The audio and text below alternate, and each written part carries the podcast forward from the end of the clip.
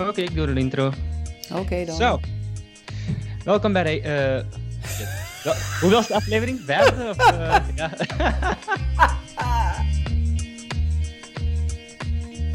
Welkom bij de vijfde aflevering van de podcast Ex-moslims in België en Nederland. Met deze podcast willen we meer bekendheid geven aan wat het betekent om ex-moslim te zijn. Ik ben uw gastheer Mehmet, samen met uw gastvrouw. Jasmina. En vandaag zijn we met onze gast... Boerak. Hi, Burak. Boerak, welkom. Ja, dank jullie wel. Hi, Boerak, wat fijn dat je er bent. Ehm, Nou, weet je, misschien, ik ga je niet introduceren. Het beste is als jij jezelf introduceert. Zou je iets over jezelf kunnen vertellen?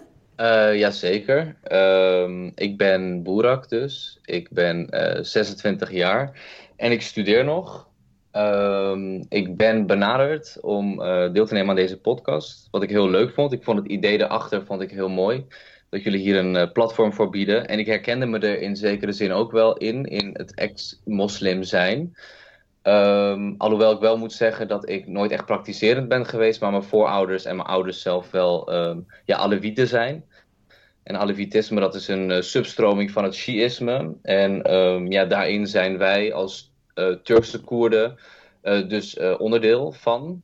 Oh, wauw. En eh, ja, dat is een beetje hoe ik eh, uiteindelijk hier terecht ben gekomen. Ja, en ik val eh, op mannen, dus dat is ook een beetje eh, de reden, denk ik, dat het extra boeiend maakt met zo'n achtergrond. Zo, oh, je noemt zoveel dingen.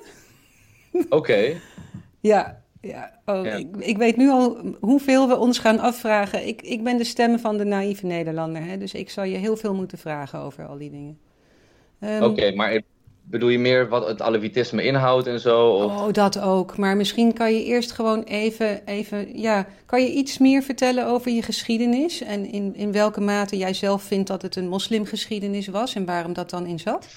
Ehm, nou, ik ben dus nooit praktiserend geweest. Eh, mijn ouders ook niet, maar mijn moeder eh, ziet zichzelf wel als eh, een, een islamiet, dus wel religieus en dan wel alewiet. Maar mijn vader is in zekere zin een beetje een vreemde eend in de bijt, want hij zegt wel dat hij alewiet is, maar hij gelooft niet echt in God. Wat dat betreft zitten we een beetje in een, ja, een beetje een eh, bijzonder gezin. Maar ik ben zelf nooit heel erg met het idee opgegroeid dat eh, ik echt in een God moest geloven. Of dat er echt een God bestaat. Of dat ik volgens bepaalde regels van de islam moet leven. Maar als ik bijvoorbeeld terugga naar het land waar mijn ouders vandaan komen. Dan zie ik daar wel heel erg dat, dat daar nog wel leeft, vooral onder de oudere generaties. Ja. Ehm, Van, eh, dat- waar kom je eigenlijk uit? Welke regio kom je uit eigenlijk in, vanuit Turkije? Het oosten van Turkije, dus het, ja, het Koerdische deel, hoe je het ook wil Mhm. noemen. ehm, ja, daar komen mijn eh, ouders vandaan. Ehm, een beetje dicht bij de Syrische grens. Ja. Ehm, Zu- Zuidoosten. En ja, ik ben zelf niet in Turkije geboren. Ik ben zelf in Duitsland geboren. Oh, Mijn ouders- da ja, kannst mijn du auch ouders- ein bisschen Deutsch, oder was? Ja, een, een zeer bisschen, aber dat is niet zoveel. Oké. Ik vind, het eigenlijk een vre- ik vind het eigenlijk een vreselijke taal, maar eh, ik ben er wel opgegroeid. Ik heb er vier, heb er vier jaar gewoond, vier, vijf jaar. En toen zijn we uiteindelijk eh, naar Nederland vertrokken. Mijn ouders waren ja, politieke vluchtelingen. En ehm, ja, in, in, in Duitsland werd het hem niet. Ehm, en dat was voor 2001 dat mijn ouders hun asielaanvraag werd afgewezen. En dat was voordat de Dublin-verordening bestond. En eh, ja, de Dublin-verordening is misschien heel erg eh, eh, van het onderwerp af hoor. Maar dat, dat hield in dat ze in ieder geval naar een ander Europees land konden gaan en daar weer asiel konden aanvragen. Dus zij gingen naar Nederland. En uiteindelijk is het hier wel gelukt. En nou, heel lang in asielzoekerscentra gewoond. En uiteindelijk een verblijfsvergunning gekregen met z'n allen. En sindsdien eh, wonen we Ja. hier nog steeds. En ik studeer. En, eh, ja, bijna klaar. Bijna Ja, ik denk dat Duitsland echt wel eh, economische interesses heeft in Turkije en dat heeft er dan ook waarschijnlijk ook in- invloed op. Want eh, Eh, ja, Ik, ik, ik, weet zeg maar de precieze afwijsgrond weet ik niet meer. Maar eh, ik ben uiteindelijk wel heel blij dat eh, eh, eh, we het voor elkaar hebben gekregen om eh, hier in dit land te blijven. Want ik had niet in een ander land Ja, willen ja, opgroeien. Ook gezien ja, mijn geaardheid en ehm, ja, de vrijheid die we hier genieten. Dat is, ik denk dat je dat extra waardeert als je eh, ook ziet dat het anders kan in andere landen en daar dichtbij komt. Ehm, dus eh, ja, ik ben heel blij dat ik in Nederland ben opgegroeid. En eh, ja. Ja, voor de, voor de mensen die er ook over die geschiedenis en over zo'n asielaanvraag niet zo heel veel weten. Waarom asiel? Ehm, ja, mijn ouders zijn dus Koerdisch. Ehm, en ze hebben een bepaalde politieke voorkeur uh, die in Turkije niet helemaal gedoogd wordt, om maar op zijn zachtst te zeggen. Ehm, en ja, dat is wel iets waar je daarvoor vervolgd kunt worden. En Koerden zijn onderhevig aan een sterke assimilatiepolitiek in Turkije. En ja, dat zorgt ervoor dat uh, je bijvoorbeeld niet vrijelijk kon of kunt uh, de Koerdische taal onderwijzen, spreken, et cetera. Er zijn heel veel dingen heel veel gebieden die zeg maar de, de Koerden niet hebben en de Turken dan bijvoorbeeld wel. Zijn eigenlijk een soort van tweederangs burger. Je geniet daar niet de vrijheid van een normale staatsburger als je echt Koerdisch bent en daarvoor uitkomt. En vooral in die tijd. En ik denk dat dat tegenwoordig misschien weer opbloeit en zo. Dat kan ik natuurlijk niet oordelen vanaf hier. Maar het is een hele gespannen situatie daar voor Koerden. En heel veel Koerden hebben besloten om, nou ja uh, naar Europa te gaan, naar Europa te vluchten, om, om daar een hel te zoeken um, in een land dat wel vrij is. Um, en accepterend in ieder geval tegenover hun politieke voorkeur. Ja. Ik ben zelf nooit echt politiek geëngageerd geweest. Um, in ieder geval niet, geen politieke partijen in die regio. ik heb me altijd meer bezig gehouden met de politiek hier, maar ik kan uh, de steun van heel veel Koerden naar nou ja, politieke partijen, daar kan ik me op zich wel ja, voorstellen omdat uh, ja, de Koerden natuurlijk een uh, droom hebben om gewoon erkend te worden. De basic human rights die ontbreken voor Koerden in heel veel regio's. Ja, ja. Ook bijvoorbeeld in Noord-Syrië, uh, maar ook in Turkije. En dat is een zorgelijke situatie. De Koerden zijn de grootste um, staatloze volk, zo zou je het kunnen zeggen. We zijn onderling ook gewoon heel erg verdeeld. Een Koerdische Turk is heel anders dan een Syrische, Syrische Koerd. Um, en een Koerd uit Irak uh, en zo on en zo on. Er zit gewoon ontzettend veel verschil tussen. Um, ja. En men probeert ook deze verdeling te behouden, denk ik, zodat ze kunnen voorkomen dat jullie één zijn. Ja, absoluut. Daar, is, uh, daar zijn heel veel landen bij, uh, bij gediend dat dat, uh, dat dat gebeurt. Want, maar ik denk wel dat als je kijkt naar de afgelopen uh, uh, maanden, wat er allemaal in Noord-Syrië is gebeurd, dat uh, de enige, het enige positieve wat ik er een beetje kan uithalen voor de Koerden, is in ieder geval dat er wat meer saamhorigheid is gekomen en dat er meer wordt gedacht hè, van jongens, we moeten onder één vlag opereren, we moeten met z'n allen één zijn, want zo komen we er sowieso nooit. Dus ik zie dat besef ook heel erg bij de Koerden hier in Nederland.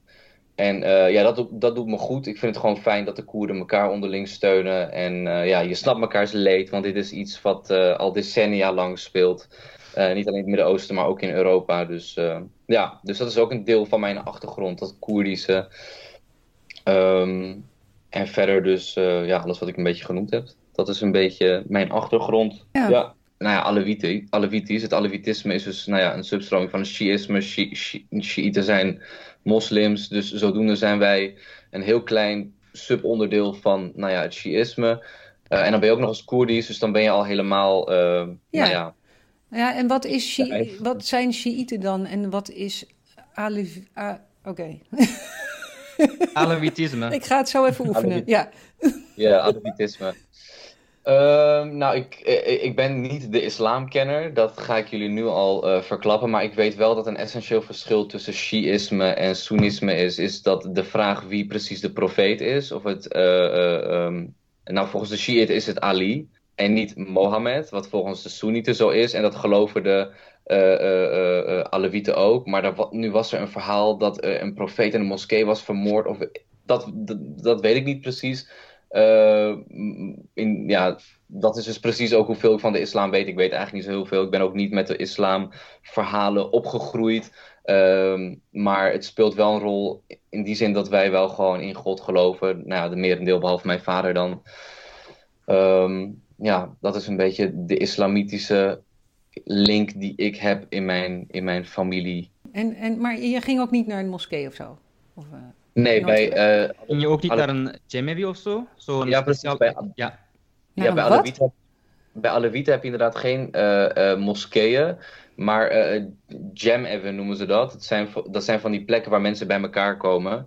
En op die manier nou ja, hun rituelen doen. Um, maar dat zijn dus geen moskeeën. Er wordt dus niet gebeden zoals ze in moskeeën doen. Uh, maar daar ben ik nooit geweest. Uh, ik heb ooit één keer een moskeebezoek gehad, maar dat was zelfs met school. dus ik ben volgens mij nog verkaasder dan de gemiddelde Nederlander, wat dat betreft. Uh, het is de enige moskeebezoek en een aantal keer in, in Istanbul, die prachtige moskeeën. Maar goed, daar ga je natuurlijk naar binnen omdat het zo mooi is. En niet zozeer omdat je islamitisch bent. Dat heb ik niet om die reden gedaan. Gelooft hij ook in die profeet Ali of in, in, in de God? Uh, zo vroeg als ik mezelf kon afvragen of ik islamitisch ben of gelovig. zo vroeg heb ik me al ja, bedacht dat ik eigenlijk niet echt in een God geloof. Ik geloof wel in een, in een hogere macht. Iets wat ons controleert buiten ons bewustzijn om. Maar dat is zo niet te vatten voor mij. Ik heb geen idee. Ik, ben daar, ik zit een beetje tussen die twee werelden in. Je zou het agnost kunnen noemen. Maar uh, dat is ook best wel een vage term natuurlijk. Ik, ik, ik, ik, ja, ik geloof niet echt in een God. Ik geloof in de innerlijke rust. Dat als, als, als, als, als ja, als ultieme doel wat je kunt behalen. En of dat nou iets spiritueels is waarmee je dat bewerkstelligt. Uh, of je nou aan, aan yoga gaat of gaat bidden. Voor iedereen is er een andere vorm van zichzelf helemaal rustig krijgen en puur krijgen. En dat is uh, voor mij niet zozeer uh, ja, islam-related. Um, kan je je zo uiten als agnost binnen je familie? Kan je zeggen van ik geloof niet echt in een god, misschien is er wel iets, maar ja, je kunt niet zeker weten. Kan je dat zeggen in je familie? Is dat mogelijk?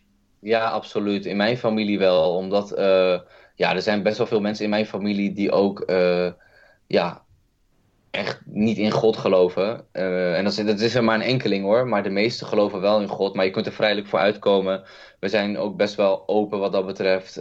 bij ons wordt er ook gewoon gedronken door zowel vrouwen als mannen. Um, niet alles is natuurlijk toegestaan, maar uh, ik zie wel een groot verschil tussen bijvoorbeeld een Soenitische cultuur uh, en een uh, Alevitische cultuur van Koerden uit Turkije. Dat, daar zit zo'n groot verschil tussen. En daarom is het altijd heel moeilijk om de moslim te definen. Je hebt zoveel verschillende categorieën moslims. Nou, toevallig kom ik uit een moslimgemeenschap wat, wat minder praktiserend is. Ik denk achteraf misschien wel fijn voor mij omdat ik niet tegen heel veel andere normen en waarden heb moeten aanschoppen. Zoals bijvoorbeeld het drinken van alcohol. Wat ik ook wel op wat vroegere leeftijd heb gedaan. Zoals 16, 17 als je uitgaat. Dus daar heb ik niet heel moeilijk over hoeven doen bij mijn vader. Mijn vader zei volgens mij ooit een keer tegen ons. Mijn kinderen mogen alles behalve roken.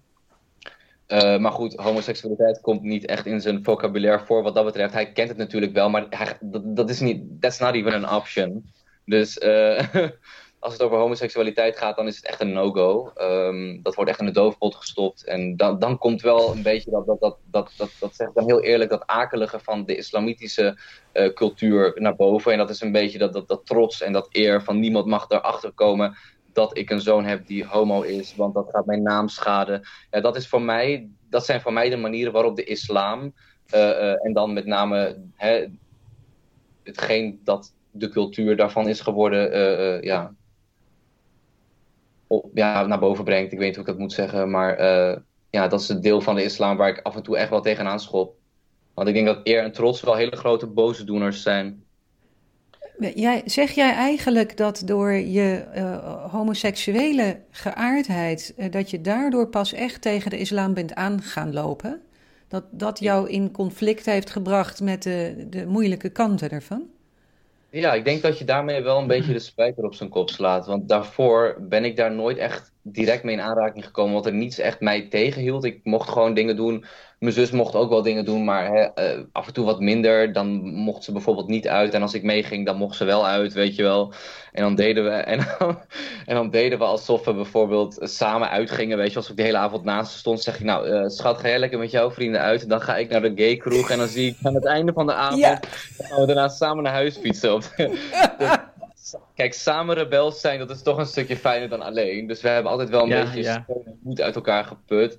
En, uh, ja, ja, dan heb je daarmee geluk gehad. Ja, absoluut. Ik heb heel veel steun gehad aan mijn zus. Die heeft me altijd enorm uh, in bescherming genomen, naar wie dan ook. En ik haar ook. Dus ik denk dat we elkaar heel goed snapten. Want zij wilde ook niet uh, elke dag thuis zitten en alleen maar de vaat doen en weet ik veel, de klusjes in huis. Wat een soort van wel werd verwacht. Maar ik vond het ook bullshit. Dus nou ja, ik ging daar, haar dan ook niet daarin tegenwerken of zo. Ik zeg nee, wij gaan lekker samen rebels doen. Gaan we lekker samen uit, gaan we samen thuis. Hoppa. en dat voelde altijd nice. goed. Dat deden we altijd met heel veel plezier, ja. Ja, ja. ja. En hoe oud was je toen je er toch wel aan moest dat je homoseksuele geaardheid hebt? Hoe, hoe heeft zich dat bewustzijn ontwikkeld? Ehm, ik denk dat dat toch wel voor iedere ja, homo of uh, eh, LGBT, noem maar op, uh, persoon hetzelfde is. Dat je op vroege leeftijd op een gegeven moment beseft van hé, hey, ik kijk net even naar wat andere dingen die ik interessant vind tijdens de puberteit dan mijn hetero vrienden. En dat je toch wat anders gedraagt dan anderen. En, en, en misschien wat meer toetrekt naar de meiden. Omdat je je daar wat comfortabeler voelt. In plaats van die stoere jongens die altijd aan het voetballen zijn. Dat zijn de momenten waar je altijd, ja, waar, waarbij het questioning begint. Van oké, ik ben anders. En op een gegeven moment valt het kwartje en denk je, oh ja, wacht, ik ben eigenlijk hartstikke aangetrokken tot mannen. En dan begint het, ja, het, aantal jaar worstelen ermee. Van ja, wat ga ik er nou mee doen? En uh, uiteindelijk komt de acceptatie. En die acceptatie is wel vroeg bij mij gekomen, want ik zat vroeg op een gymnasium. Um, en dat was een uh, gymnasium waarbij um, er eigenlijk alleen maar uh, blanke, elitaire kids op mijn school zaten. En dat ja, is natuurlijk heel erg hokjes denken, maar dat zijn over het algemeen mensen die wat minder schrikken van het feit dat je zegt ik ben homo. Dan wanneer je bijvoorbeeld op een VMBO-school zit, zit met alleen maar Turken, Marokkanen, dat je daar uit de kast komt, is veel moeilijker. Dat kan ik me heel erg voorstellen. Ik, mij was zo van, oh joh, prima joh, dan gaan we toch lekker, weet ik veel, dit en dat doen. alle standaard opmerkingen als je zegt dat je homo bent. Laten we shoppen. ik, nee, shoppen vind ik niet leuk. ook, niet, ook niet nu ik op mannen val. Geen geduld voor. Maar dat, ik, daar heb ik heel veel geluk mee gehad, denk ik. Dat ik in zo'n omgeving ben opgegroeid op de, in de middelbare school. Dat was echt voor mij... Ik, ik deed ook dramaklassen, dus ik kon mezelf ook heel erg expressen op het podium. Ik had heel veel, uh, ik had heel veel manieren om echt mezelf te kunnen zijn. Uh, en dat was, uh, ja, dat was echt heel fijn op die vroege leeftijd al. Ja, voor de zelfacceptatie. En toen kwam er het uit de kast komen? Uh, ja, toen kwam inderdaad uit de kast komen. En um, even kijken. Ja, dat is nog steeds een ding hoor. Dat, dat, dat, dat moet ik je wel vertellen. Ik heb bijvoorbeeld geen contact meer met mijn vader. Um, en, uh, ja, en met mijn moeder, ja, die, die, die, die, die, die begint het nu te accepteren. Die begint nu echt in te zien dat, um, dat het onveranderlijk is. En um, ja, die band tussen mij en haar is misschien nog wel sterker geworden dan, uh, dan daarvoor. Dus uh, ja, maar goed. Maar je zei net dat je vader degene was die het minst gelovig was.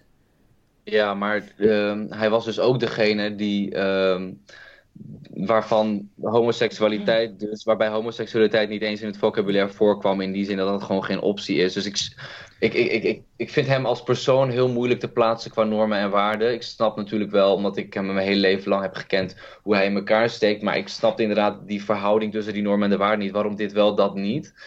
Um, best wel gek. Ik, heb het, ik vraag het me nog steeds wel eens af, maar uh, ja, het is een beetje een mengelmoes van hele strenge islamitische waarden en normen en hele vrije westerse uh, uh, gedachten. Dus dat gaat blijkbaar wel hand in hand, maar op een hele. Ik, ik heb zo'n gedachte van. Ik denk dat je vader. Hij is misschien wel minder religieus, maar hij heeft dan misschien zo'n gedachte van wat gaan de anderen denken. Terwijl je moeder misschien wel religieus is, maar heeft zij dan meer. Ja, echt zo. Een sterke uitdrukkelijke liefde tegenover jou, waardoor het makkelijker was. Kan dat zijn? Ja. Of, uh... um, ja, mijn vader is zeker inderdaad heel erg bezig met wat denken anderen. Ik denk dat dat iedereen wel doet in de islamitische cultuur. Of heel veel nou ja, mensen uit het Midden-Oosten die, die zijn heel erg bezig met oh, hoe, hoe, hoe wordt er tegen ons aangekeken. Uh, hoe, hoe, hoog staat onze familie uh, in aanzien? Wat mij echt niks boeit. Maakt mij helemaal niet uit wat mensen over mij denken. Maar goed, dat is wel de cultuur waar ik uit heb moeten breken. En uh, ja, mijn vader die was daar dus wel mee bezig. Voor hem is het echt belangrijk dat niemand erachter komt dat ik op mannen val. En uh, ja, we houden het lekker in de doofpot. Dat is een beetje hoe dat gaat. Ja. Zo, joh, wat een breuk zeg. Jeetje. Mm -hmm. Mm -hmm. Ja, maar op een gegeven moment uh, leer je het accepteren, denk ik. Um, ik kan hem niet veranderen en hij kan mij niet veranderen. En dan is afstand misschien wel de gezondste manier van verder gaan met je leven. Want het gaat niet, uh, er komt geen verzoening. Dus dat is, uh, het, is gewoon het, het, is gewoon accepteren. En ik, ik zal je eerlijk zeggen, ik heb het misschien. Voor mij was die acceptatie best wel snel. Want ik heb nooit echt een band met hem gehad. Dus misschien dat het voor mij daarom makkelijker okay. was om dat stukje af te sluiten. Ja, natuurlijk. Dan, ja, dan is het veel makkelijker natuurlijk. Ja, dat, precies. Ja, dat is ook niet niks. Ja, maar goed, it happens. Nee, maar ook nooit een band ontwikkelen met je vader. Want dat zegt ook iets over de de gezinsgewoontes en, en de rol die hij altijd al in heeft genomen te midden van, de, van zijn dierbaren, zeg maar. Um, ja, ja, dat zegt heel veel over hoe je het leven denkt te moeten vormgeven als je eigen kinderen geen band met je krijgen. Ja, dat, hij had best wel hele traditionele gedachten over het huishouden bijvoorbeeld ook. Dat de vrouw die moest koken en de vrouw die moest uh, schoonmaken. En hij kookte nooit, hij schoon, maakte nooit schoon. Um, hij was echt de man in het huis. En wat dat betreft was dat ook de goede. Wat hem betreft was dat de goede rolverdeling. Was ik het niet mee eens. Maar goed, ja, mijn zus ook niet. Dus daar waren we ja, een beetje rebels over. Maar ja. ja. En, je, en je moeder? En mijn moeder, ja, die, uh, uh, die was niks anders gewend, denk ik. Die komt ook uit een cultuur waarbij dat normaal was. Dus dat, dat, dat neem je met je mee. En wij leven dan in een cultuur als die van Nederland. En wij denken, hé, hey, maar wacht eens even. Dit is helemaal niet de bedoeling. Waarom, waarom voelen wij ons hier niet fijn bij? En, en, en, en waarom hebben wij het gevoel dat dit, dat dit niet hoort? Of dat, ja, dat dit niet normaal is, hoe wij het uh, voorgeschoteld krijgen. En dat is denk ik iets wat je je heel erg afvraagt in de puberteit als je tussen die twee werelden leeft. En dan zie je heel veel ook andere voorbeelden uit je omgeving, van Nederlandse gezinnen, die daar heel mee omgaan. En denk je, wow, dit is eigenlijk een, een, manier van samenleven of normen en waarden waar ik me veel beter in thuis voel dan die van mijn, van mijn, van mijn gezinssituatie. En uh, ja, dat is best wel een pijnlijk besef, denk ik. Maar tegelijkertijd ook weer, ook weer goed. Want ja, vrijheid is het belangrijkste, eh, het belangrijkste goed dat wij hebben. Jezelf kunnen zijn. Ja, want daar hebben je ouders nooit de aarzeling over gehad. Eh, over dat jullie op een goede school moesten zitten. En dat het een openbare school mocht zijn. En dat er niet allerlei doctrines uh, les hoefden worden gegeven op die school. Mijn vader was juist best, mijn vader is best wel anti-islamitisch. of nou ja, anti-islam in de zeg maar negatieve context. Uh, dus alles slechts wat je van een islam hoort, uh, uh, daar is hij gewoon. Hij, hij, hij, alle moslims over één hoopje, dat is een beetje zijn idee. Ehm, mijn, mijn moeder mocht bijvoorbeeld ook absoluut geen hoofddoek dragen hoor. Dat, was, dat is dan ook weer iets geks. oh, geen ja. hoofd, want we zijn Alewieten en we zijn open. En hoofddoek is geassocieerd met het nou ja, streng islamitische. En daar was hij heel erg op tegen. Dus um, ja. Ja, ben je klaar met het huishouden? Ja. Ik heb die stoelen pas gekocht. Ja, niks. We zijn in een interview. Sorry, Brak. Dit is... Nee, geen probleem. Verzin maar een straf voor hem als hij het weer doet. Het is wel aardig dat Mehmet laat zien dat mannen ook het huishouden kunnen doen. Dat dan wel. Goed zo, ja. ja. Heel goed. Ja, modern. Goed, Dank. Ja. en dat vrouwen hem dan terecht moeten wijzen. Ook wel weer leuk. Hè? Ja. nee, maar toch maar even terug. Dus dat, oké, maar voor als je moeder dan gelovig is, dat is dan toch ook best ingewikkeld? Dat, dat, dat je dan getrouwd bent met een man die dat vreselijk vindt? Ja, ik vond dat ook wel altijd een hele bijzondere combinatie. Want mijn moeder geloofde wel echt in God.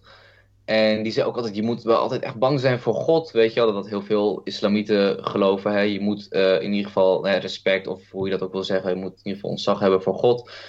Uh, en dat, dat gaf ze ook ons ook altijd wel mee. Maar mijn vader, nee, die was uh, er altijd heel luchtig over. En nee, allemaal dit. En ik geloof, er, ik geloof niet in God en zo. En, maar je moeder heeft ook het uit de kast komen. Hoe, hoe ging dat eigenlijk, die acceptatie? Door haar. Uh, ja, dat ging aan het begin gewoon heel moeilijk. Dus ze heeft het er heel moeilijk mee gehad. Vooral omdat ze het niet kon plaatsen. Ze snapt het niet helemaal. Um, ja, daar heeft ze nog nooit echt educatie over gehad. Um, of met mensen over gepraat op een serieuze wijze. Dus het kwam voor haar echt wel uh, als donderslag bij heldere hemel. Dat ik op mannen viel. Um, dus dat was heel moeilijk. Uh, we, hebben echt wel, we zijn echt wel door een hele moeilijke periode gegaan. En, uh, maar dat was uiteindelijk een kwestie van tijd. En nu gaat het al ja, geruime tijd heel goed. En ik zie dat het echt op een constante manier heel goed gaat. En dat vind ik heel fijn. Uh, die band tussen mijn moeder, zoals ik al zei, is nu echt alleen maar uh, versterkt. Ik ga daar regelmatig heen. En iedere keer als ik bij haar ben, dan is het weer echt heel liefdevol. Dus dat is, ja, dat is toch denk ik de liefde van de moeder die uiteindelijk toch wel overwint. En maakt zij zich ook zorgen over jouw uh, ongeloof? Heeft ze zich zorgen gemaakt over het ongeloof van je vader? Is ze bang dat jullie om naar de hel gaan? En uh, uh, hebben jullie het daarover? Ehm, nee, daar heeft ze nooit echt specifiek haar angsten over uitgesproken. Ik denk dat zij daar ook niet heel erg mee bezig was. Ik denk dat ze gewoon heel erg wel meegaf aan ons van jongens, er bestaat wel een god. Maar eh, ja, bidden en zo, dat, dat deden we sowieso. Want ze is zelf ook Alevitisch. Ehm, dus Alevitisme. En ja, de Koerden in Turkije die Aleviet zijn, die zijn nou eenmaal niet zo uh, praktiserend. Eh, heb ik me laten vertellen en ik heb ook gewoon heel erg in mijn omgeving gezien dat het zo is. Uh, je zou ze eigenlijk kunnen zien als de ketters onder de islamieten, vooral als je ook nog eens Koerdisch bent. Dit is, ja. De, de ketters? De, de ketters. Ah, ketters, oké. ja, ja, ja, De afvallige, degene die niet geloven. Ja, nee, precies.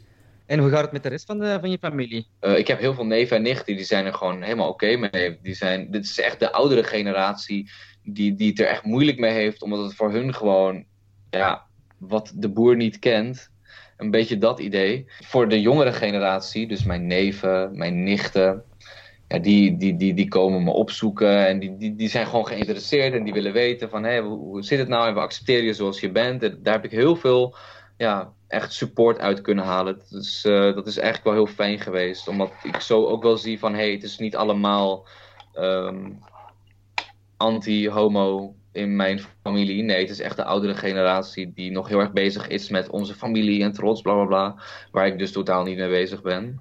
Maar mijn uh, neef en nichten, die generatie van mij, die zijn helemaal, uh, nou ja, die zijn ook allemaal in het westen opgegroeid. Dus die, die hebben daar ook niet echt moeite mee. Die hebben vast ook wel een vriend of vriendin die op mannen valt. En ze hebben dat, daar zijn ze al lang mee in aanraking gekomen. Dus voor hun is dat waarschijnlijk een minder grote shock dan voor die generatie boven mij. Dus mijn ouders, uh, tantes, ooms, let alone oma's en opa's. Want die, die, die krijgen het sowieso niet te horen. Maar er zijn ja, ook ja, nog ja. hele familiebranches die het niet weten.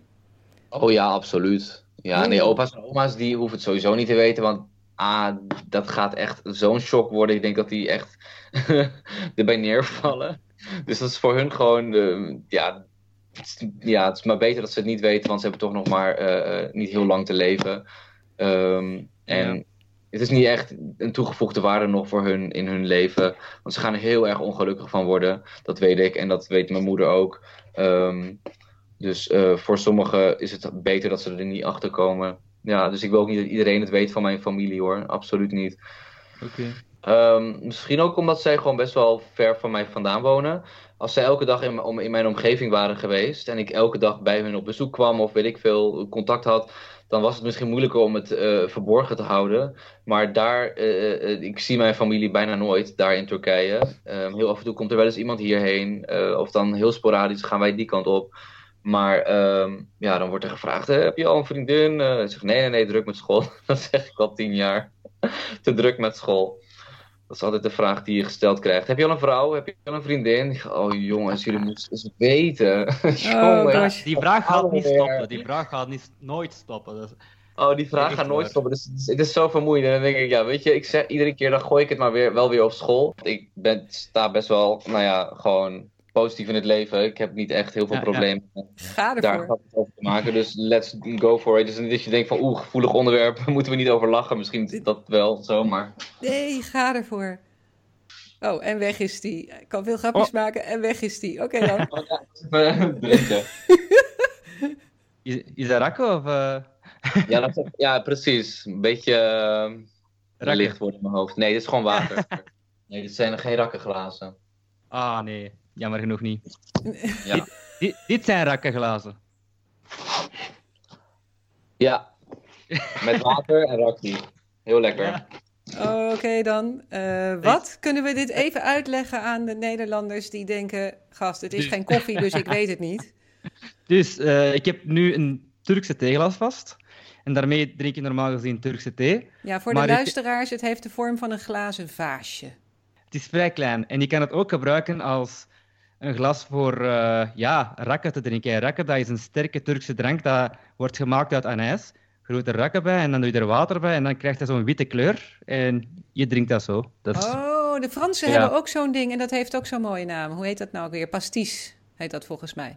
Ah, ik heb er dat, wel van gehoord. Dat krijgt ook zo'n melkkleurtje als je dat... Ja, ja, ja. In uh, Griekenland heet dat ouzo. Ja, oh, ja, ja, ja. ja.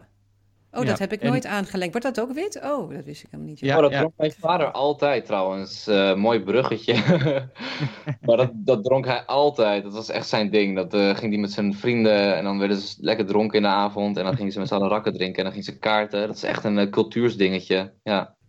Ja, ik, ik heb dat nooit... Ja, ik heb één keer rakken geprobeerd en dan dacht ik, nee, dat is anijs. Dat is niks voor mij. Ja, ik, vond het, ik vond het eigenlijk ook niet zo lekker. Oh. Praat ik niet te snel trouwens? Ja, we hebben, we hebben wel deze Benny Hildings erbij gehad, dus... eh, Dan is hij weer weg. Dan zegt hij iets veelbelovends en dan is hij gelijk weg ook. Wat doe je nou? ik. Ja, ben je nou rak aan het pakken of wat? Oh nee, je telefoon ging af, dus ik ben eh, gestopt. Wat? Waarom? Oh, maar ehm zijn we nu nog aan het opnemen? Ja, ja. natuurlijk. Oh, oké, maar dit soort stukjes die er tussendoor af en toe misgaan, die, die komen er toch niet in, of wel? Ja, alles, alles komt erin. We beginnen Alles. met jouw naam en, en je woonplaats en je studie. Natuurlijk niet. Ja. Nee joh, je moest dus weten. Ik ben, deze uitzending zitten we dus gewoon nu op te nemen. We zitten gezellig te kakelen achter die microfoon. Ziet er super relaxed uit. Kijk, heb ik al eerder gezegd, Mehmet is heel slim. Die edit niet, dat doe ik allemaal. ik, ik edit me de pleuris aan die uitzendingen. ik, er Nice. Per seconde zit ik elk kuchje en al dat geschraap van Mehmet er allemaal uit te editen. En jouw naam en het zinnetje waarin je je woonplaats zegt, gaat er allemaal uit. Gaat allemaal uit. En komt er ook muziek bij? Eh, heel klein beetje aan het begin en een heel klein beetje aan het eind. Ja, je moet wel naar één Ja. zo'n uitzending luisteren voordat je zegt ik werk mee. Dan weet je tenminste Ja. waar je aan begint.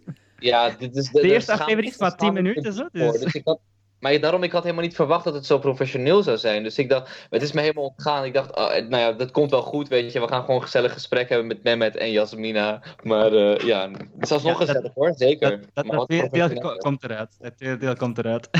Ja, ja, hij gaat echt iedereen zijn naam. Ik ben blij dat hij van mij maar één naam kent zeggen. Hij strooit Ja. met namen gewoon. ja. Ben je het huishouden aan het doen of zo? Wie, ik? Ja? Oh, ik ben een, sorry, ik ben een sigaret aan het klikken. En, de- en, da- en dan ben ik back on track. Momentje. Ja, nee, dat is helemaal prima.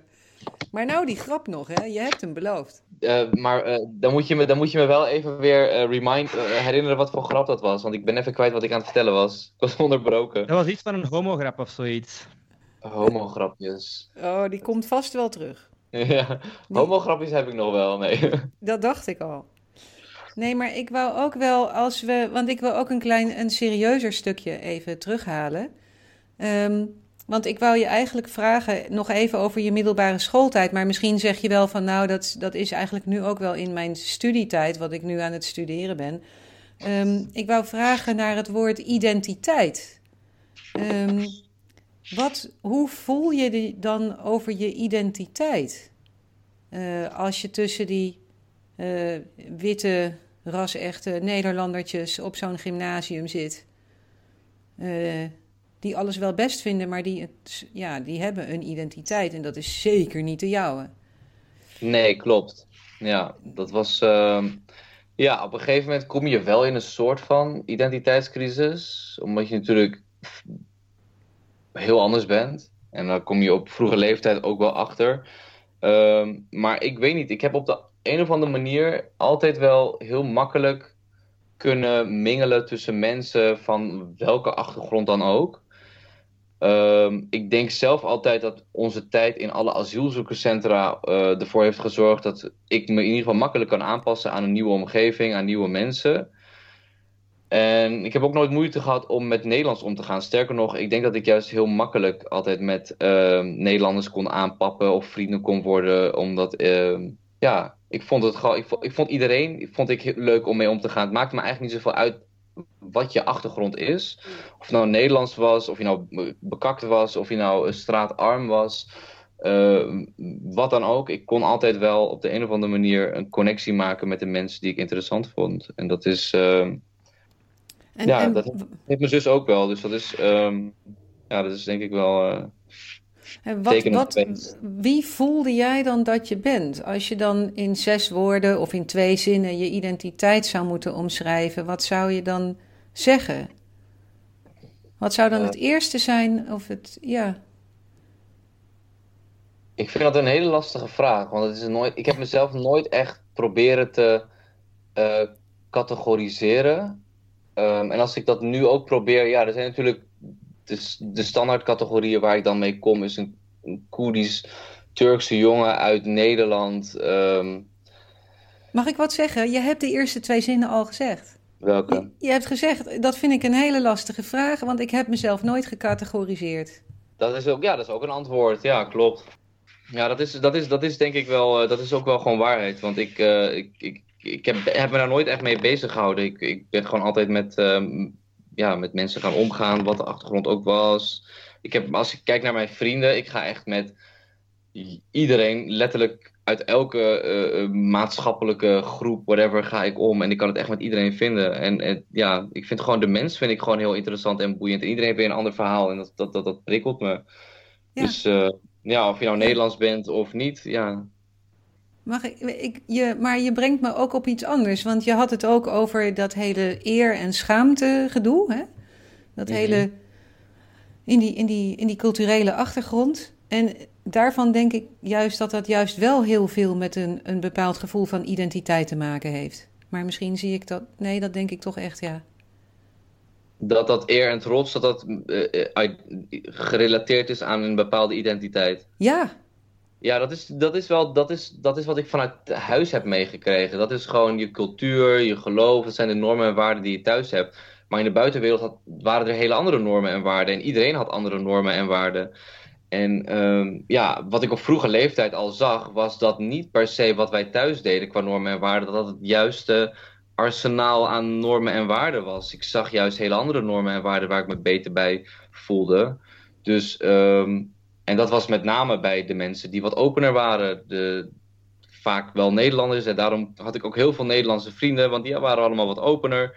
En eh, die deden lekker waar ze zin in hadden. En die waren niet zo bezig met, oeh shit, wat zou die van me denken?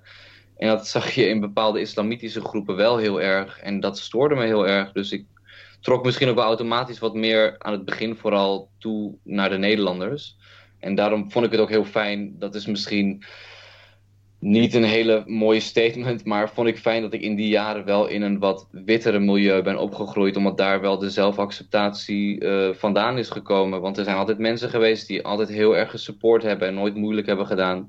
Maar moet ik wel een kanttekening plaatsen overigens hoor, want heel veel van de vrienden die ik had met een islamitische achtergrond, die waren uiteindelijk ook heel erg eh, accepterend.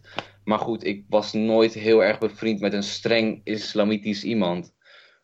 Ehm, dus misschien is dat ook wel de reden geweest dat ik niet heel veel mensen ben kwijtgeraakt of zo door mijn coming out. Omdat ik altijd wel de mensen heel dichtbij liet komen die, waarvan ik wist, je bent open, je, je zult me accepteren zoals ik ben. Ik kan mezelf echt bij je zijn. En de mensen waarbij ik dat niet was, ja, die hield ik wel een beetje op, uh, op armslengte. Ja. Mag ik? Ja, er komen allerlei vragen bij mij op. Ik merk wel dat omdat de, de islam niet zo heel veel rol speelt, dat ik niet per se heel erg uh, islamgerelateerde vragen heb. Maar ik vroeg me nog wel het omgekeerde af, namelijk of je van um, de conflicten uit de regio waar je ouders vandaan komen, of die meegekomen zijn met jullie hier naartoe en of je daar ook op school of in bepaalde kringen last van gehad hebt. En dan uh, bedoel je meer politieke conflicten? Ja, of, of ook religieuze conflicten of, of uh, racistische conflicten. Ik bedoel, als je een Koerd bent uit die regio, maar niet een Soeniet en, en, en ja. weet ik wat allemaal. Of je dan op school wel Soenitisch grootgebrachte moslims tegenkomt, die dan iets hebben van ja, maar jij dit en dat, uh, weet ik veel. Ik heb geen idee. Nee, dat is een hele goede vraag, want uh, dat is zeker zo. Ik denk dat die spanning die je hebt natuurlijk tussen de Koerden en de Turken in Turkije dat dat zich ook heel erg afspeelt in Nederland. En misschien nog wel af en toe op ja, wat intensievere schaal. Ja, ja. Uh, omdat, uh, ja, ik merk heel erg dat bijvoorbeeld de pro-Erdogan um, groep, en dat is in Nederland, is dat volgens mij het grootste percentage uit Europa als je kijkt naar de stemmers. Volgens mij iets van boven de 70% van de Turken in Nederland heeft gestemd op Erdogan. België heel... 80%, België is het ergste. Echt rampzalig. 80%. 80% zelfs, ja. Het is, het, ja. Is, het, ja. het is een bepaald verlangen dat heel veel Turken naar Turkije hebben. Die ik niet zo heel goed snap, maar goed, dat is een andere vraag. Maar die spanning die de Koerden en Turkije hebben uh, met elkaar, die heb je hier in Europa ook. En ik uh, heb op jonge leeftijd echt wel uh, af en toe problemen gehad, ook wel met Turkse kinderen. En dat waren dan Turkse kinderen die wisten wat van de politieke voorkeur van mijn vader. Ehm, en van mijn andere Koerdische vrienden, et cetera. En die op, ons op een bepaalde manier toch wel gingen uh, intimideren of onheus bejegenen. Ehm, en ik werd bijvoorbeeld uitgesloten. Ik, werd, ik, ik mocht niet echt met bepaalde groepen jongens omgaan. Omdat, ja, niet dat ik dat wilde, want ik voelde voluit negen vijandigheid. Die voelde ik echt heel sterk als kind. Um, nou ja, die, dat heb je hier ook. Dat is, absoluut, dat is absoluut zo. Die spanning die speelt hier in Nederland ook.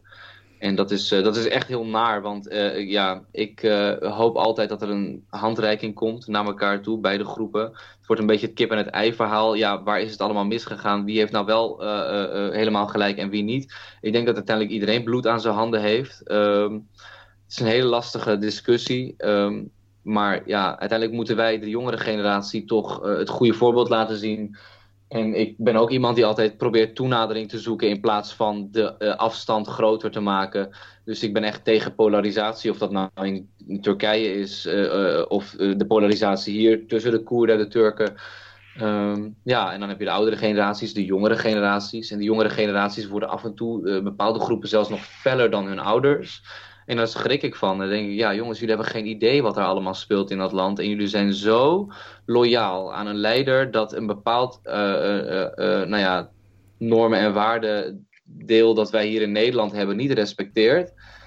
maar dan denk ik, ja maar als je je zo erg aangetrokken voelt tot dat land en tot die normen en waarden, wat, waarom schop je hier dan de hele tijd tegen de gevestigde orde aan? Dat gaat toch niet werken? We hebben hier toch hele andere normen en waarden. We, leven hier in een inclusieve samenleving. We moeten hier met z'n allen, moeten wij het uiteindelijk gaan doen, uh, met de westerse normen en waarden. Want jullie komen hierheen en dan is het niet gek dat wij hier westerse normen en waarden hebben. Die dien je dan ook uh, te accepteren. Als jij als Nederlandse vrouw naar Iran gaat, dan draag je ook een hoofddoek. En dan zeg je ook niet, uh, sorry, maar dat is discriminatie, dat ga ik echt niet doen. Ja, you just ja. follow the rules. En dat, ik, dat hoor je hier ook te doen. En hier zijn ik moet nu even zeggen, dat, daar ga ik totaal, totaal niet mee akkoord, maar oké. Okay. Kijk, uh, van westerse normen en waarden, als ik naar Iran ga, ga ik ook een hoofddoek aan doen? Nee, nee, nee. Ik vind, ik, vind, ik vind het verkeerd wat ze doen, maar niet omdat het tegen de Nederlandse regels uh, uh, ingaat, maar omdat het tegen de menselijke, het menselijke ingaat. Okay. Dat ja. vind, is de reden waarom vind... het slecht is. En ik vind, om dan maar even meteen een link te leggen met die menselijkheid. Ik vind de normen en de waarden en de vrijheid die we hier in Nederland hebben, vind ik menselijker dan uh, de beperkingen die worden opgelegd in islamitische landen. Ja, en dan denk ik, als je, ja. maar als je het dan zo eens bent met die beperkingen die daar worden opgelegd, ga dan alsjeblieft daarheen, want daar ga je je veel beter voelen, blijkbaar. En ga dan niet hier tegen onze gevestigde orde aanschoppen, want wij accepteren nou eenmaal homo's, wij accepteren nou eenmaal vrouwen aan de top, noem maar op. Uh, al dat soort dingen, maar... ga dan niet weer moeilijk doen daarover. Maar kan je, leg het dus uit, want leg het dus uit voor, voor Nederlanders die heel ver van deze mensen en groeperingen afstaan hier in Nederland, die er geen één eigenlijk van dichtbij kennen. Heb je het nou over een groep mensen die uh, hier uh, oorspronkelijk niet vandaan komen, of hun ouders komen hier niet vandaan, en die zich heel erg betrokken voelen bij uh, een homeland van hun ouders, een, een, een Koerdische regio of Turkije of iets. En die uh, eigenlijk hier wonen, maar boos zijn over hoe het hier is, omdat ze zeggen daar is het zoveel beter. Is dat wat je beschrijft? Ja, ik ben met name, ik doel met name op de mensen die een dubbele loyaliteit, of hoe je het ook wilt noemen, uh, hebben. Dan heb ik het over inderdaad, uh, nou, bijvoorbeeld kinderen van gastarbeiders hier in Nederland. Nou, het, het, gastarbeidersproject is eigenlijk, om maar heel eerlijk te zijn, gewoon mislukt. Want die mensen die waren eigenlijk van plan om op een gegeven moment terug te gaan. En die mindset, die hebben zij eigenlijk nog steeds. In die zin dat zij nooit het idee hebben gehad van wij gaan ons volkomen, nou ja, wij gaan volkomen integreren in deze samenleving en meedoen. Nee, wij gaan werken en wij gaan weer weg. Maar die mensen zijn nooit weggegaan. En hun kinderen, die hebben een beetje diezelfde mindset overgenomen. Die hebben hun loyaliteit ook niet hier in Nederland zitten. Die hebben hun loyaliteit aan een leider in Turkije zitten. En dat vind ik heel fout, want je bent hier en die omslag moet op een gegeven moment gemaakt worden bij die gastarbeidersjongeren. Van jongens, we leven hier in een inclusieve samenleving. Je accepteert het of je gaat gewoon lekker weg. Dit Kijk, is dat, dat woord loyaliteit vind ik juist zeer problematisch. Het is zeer dogmatisch. Het is... Ja, ik vind, je moet geen loyaliteit hebben tegen land X of Y, omdat je waarde in land Y beter is of zo. Nee, het is gewoon... Dat is een verkeerde manier van denken, vind ik. Ja, het Nederland is het beter, omdat het menselijker is. Niet omdat het Nederland is. Nee, maar dat zeg ik ook niet. Dat kan ook Duitsland zijn. Dat kan ook Duitsland zijn. het, is, het is voor mij is het niet per se landgebonden. Het gaat mij meer om dat je, Het had ook Canada kunnen zijn. Stel dat je naar Canada gaat, is best wel ook een open, vrij land. Uh, uh, waar ook heel veel van de westerse normen en waarden die we in Nederland hebben dus ook gelden. Als je daar hetzelfde gaat doen, ja, daar ben ik het ook niet mee eens. Dan moet je naar een streng islamitisch land gaan. Kijk, het is een andere discussie of ik het eens, mee eens ben of het daar goed gaat. Ik ben het absoluut niet mee eens. Ik zou daar ook willen dat iedereen gelijk was. Maar je dus, loyaliteit... Dus je wilt dat daar regels veranderen, regels kunnen veranderen. En hier willen zij dat regels ook veranderen. Ik ben het totaal niet mee eens. Ik ben tegen uh, hun gedachtegoed. Ja. Op de manier waarop ze de regels willen veranderen. Maar de gedachten mogen ze hebben, vind ik. Vind ik ook. We leven in een democratie en elke minderheid. Oh, ja. ja, dat is ook dat, dat, dat is een heel ander verhaal. Maar ik heb dan, ja, dat, ik, daarom, democratie is goed en de manier waarop wij het doen ook. Maar op een gegeven moment, je mag je belangen behartigen in de politiek. Maar je moet niet andere mensen gaan oordelen over oh, dat, dat, dat, dat je het niet goed doet. Of volgens de, uh, weet ik veel, normen en waarden van een ander land dat wij niet hebben. Elkaar niet oordelen. Ik, en elkaar juist dat, dat dat onderdeel is van, uh, van democratie. Dat je andere mensen kunt uh, veroordelen. Je kunt zeggen van jij doet het slecht, ik doe het juist. Oké, ik ben het niet eens met die wijze van handelingen. Maar dat is nu juist het onderdeel ervan. Maar ja, ik ga hier mijn mening stoppen. Want... Maar ik wou het gezegd hebben. Mehmet is nogal een strijdlustig type als het over deze dingen gaat. Maar het moet wel een beetje dat een... Hem, hoor, dat is goed. Dat af en toe moet je ook strijdlustig zijn. Ik begrijp je absoluut. Um, maar ik hoop dat mijn standpunt ook een beetje duidelijk is. Ja, ik denk het wel. Maar ik vroeg me ook gewoon af dus... Maar je maakt het ook echt, zeg maar, in je... Gewoon in je leven als persoon in Nederland mee... dat je last hebt van mensen hun politieke loyaliteiten die helemaal niet op ons terrein plaatsvinden. Dat jij daar persoonlijk hier levend mee geconfronteerd wordt. Ja. Dat is uh, iets wat, weet je, wat je zeker voor Nederlanders gewoon even verteld moet hebben. Ik ben blij dat je daar wat over gezegd hebt. Want dat is heel moeilijk om je voor te stellen. Als je hier, zoals ik, een totale Nederlander bent, dan begrijp je wel dat er clashes kunnen zijn tussen Nederlands zijn en niet-Nederlands zijn. Maar niet deze hele dynamiek. Ja, en het gaat zelfs zo ver door dat uh, de, de lange arm van, nou ja, je weet wel wie uit Turkije, van Erdogan, die, uh, ja, die reikt zo ver dat er bepaalde groepen zijn die echt uh, mensen aangeven bij de Turkse consulaat of weet ik veel welke Turkse instantie dan ook. Die bijvoorbeeld, dat zijn Koerden, weet je wel, die dan protesteren hier in, in, in, in, in, in Nederland. En die, die namen die worden allemaal doorgegeven aan Turkije. Want als die mensen dan een keer Turkije binnenkomen, dan kunnen ze worden opgepakt. Ja. En dat is de intimidatie waar ik het ook over heb. En daar leven heel veel Koerden in, ook in Nederland. Er zijn heel veel Koerden hartstikke nou ja, bewust van het feit dat als ze uh, zo'n uh, demonstratie deelnemen aan zo'n demonstratie, wat heel legit is, um, dat, ze dan het kan, dat ze de kans lopen dat ze straks Turkije niet binnenkomen of iets dergelijks. Of dat iets met hun familie gebeurt. Die, diezelfde angst. Ik had exact diezelfde angst. Dus ik ging naar zo'n uh, mars voor Rojava een paar weken geleden. Ja, ik ook. En ik dacht van, zal ik nu gaan of niet gaan? Ik ga problemen krijgen misschien, misschien niet. Uiteindelijk heb ik, ja, ik zat uh, gewoon op het internet zo te scrollen en uh, ik kon er niet meer tegen. Uh, toen ik al die foto's zag en ik dacht van ja, nee, ik ga gewoon. en hopelijk ja, had er niks verkeerd. Het is heftig allemaal. Maar, ja, dus... maar ben je dan vervolgens angstig om de grens over te gaan, om Turkije in te gaan? Denk je dan van nou, laat ik daar nog maar een jaartje mee wachten voor de zekerheid of zo? Um, ik heb sowieso niet. Oh, heb je het nu over tegen mij of tegen Mehmet? Tegen Mehmet, maar ook tegen jou als je vindt dat dat van toepassing is? Ja, dus ik heb nu niet echt een grote angst. Want ik denk van ja, van mij gaan ze niks denken. Op mijn sociale media staat er. Uh, allez, mijn sociale media is totaal leeg. Alles dat verbonden is aan mijn naam heeft niks politiek. Dus ik denk, mij gaan ze niet vinden.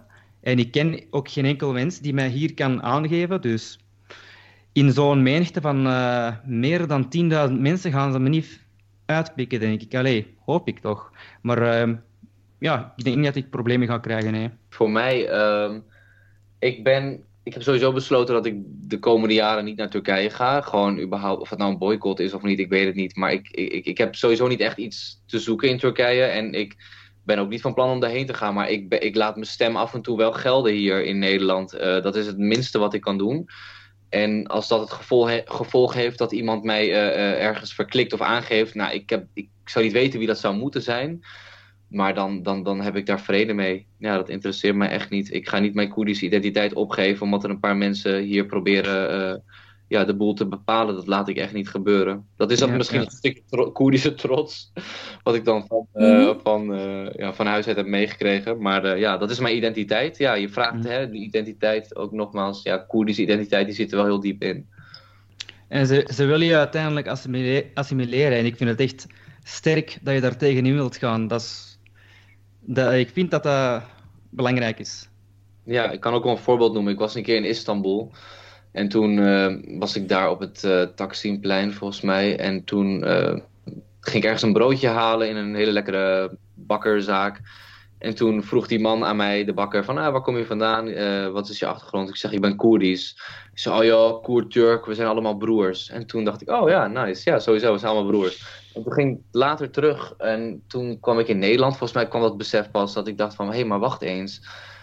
Dit is eigenlijk wel een soort van een hele subtiele vorm van assimilatie. Je zegt, weet je, oh joh, Koert, uh, we zijn allemaal uh, Turks, hè, we zijn allemaal broeders. Dat was een beetje de boodschap die hij aan mij probeerde te geven. En daar schrok ik van. Toen dacht ik, wow, dat is, dat is dan wel een beetje die assimilatiepolitiek en dan heel erg, uh, ja, echt doorgebakken in de samenleving. Want ja, je, ik had ook kunnen zeggen: nee, ik ben ja, we zijn wel broers, maar ik ben Koerdisch. Maar dat was mij toen uh, ontgaan. Niet dat ik er zin in had om die confrontatie met hem aan te gaan. Maar dat was toch wel echt een, uh, een voorbeeld van uh, hoe die assimilatie werkt in Turkije. Ja, het is echt overal. Maar dat is dan toch ook. Ja, maar dat is dan toch ook knap ingewikkeld. Want aan de ene kant zeg je wel, hè, want dat, je zegt het prachtig als je het over de Nederlandse samenleving hebt. Van nou ja, we zijn, we zijn een mengelmoes en we moeten het allemaal met elkaar doen en we mogen verschillend zijn. En dan ergens aan de andere kant is het idee van broers zijn. Uh, komt toch te dicht bij identiteit. Ja, dan moet je... Maar waar, waar is dan de juiste balans? Hoe ziet die er dan wel uit? Maar het gaat niet om het broer zijn. Ah, sorry. Doe jij, Borak. Oh, uh, nee, ja, dan, dan, moet je denk ik het conflict tussen de Turken en de Koerden ook wel een beetje voor snappen omdat ik, ik, ik ben echt een prediker van iedereen moet zichzelf zijn en lekker jezelf kunnen zijn en je eigen identiteit kunnen vasthouden. Uh, maar uh, ja, op het moment dat er daar wordt gezegd van ja, we zijn allemaal broers, oh joh, wat nou Koerdisch. Uh, dat, dat, dat, dat klinkt heel mooi in de oren, maar dat is dus, daar kwam ik dus achteraf achter, van dat is eigenlijk, als je een Koerd bent, is dat niet helemaal wenselijk. Want ja, je, als je, ja als, ervan uitgaande dat je als Koerd je identiteit niet wil kwijtraken, dan zou je je tegen dit soort dingen moeten verzetten, denk ik. En ook aan moeten geven van ja, ik ben gewoon Koerdisch. Ja, we zijn broers, absoluut. Dat is de handreiking die ik maak. We zijn broers. Er zullen heel veel Koerden zullen zeggen, wij zijn geen broers, wij Turken en Koerden. We zijn echt verharde Koerden. Want die strijd die is echt intens tussen Koerden en Turken. Die haat ook bij heel veel. Maar ik ben iemand die zegt, we zijn inderdaad broers. We moeten het samen met elkaar gaan doen, maar ik ben wel Koerdisch. Ja, precies. Oké, die snap ik. Ja, dan daar, daar zit de, de identiteit. Ja, oké. Precies. Daar heb je de identiteit weer. Het is altijd identiteit. Ja, absoluut. Als mensen dat proberen te wissen, dan moet, er, dan moet je er tegen vechten van nee, je kan mijn identiteit niet wissen, je kan het niet witwassen. Je kunt niet zeggen van jij bent, een, jij bent ook een Turk. Nee, als je zegt van ik ben Koerdisch, dan moet je dat accepteren. Ja, absoluut. Ja, ik bedoel, ik accepteer ook dat je Turk bent. Ik, uh, we moeten elkaar gewoon accepteren. Het, is zo, het, is zo, makkelijk, maar toch zo moeilijk.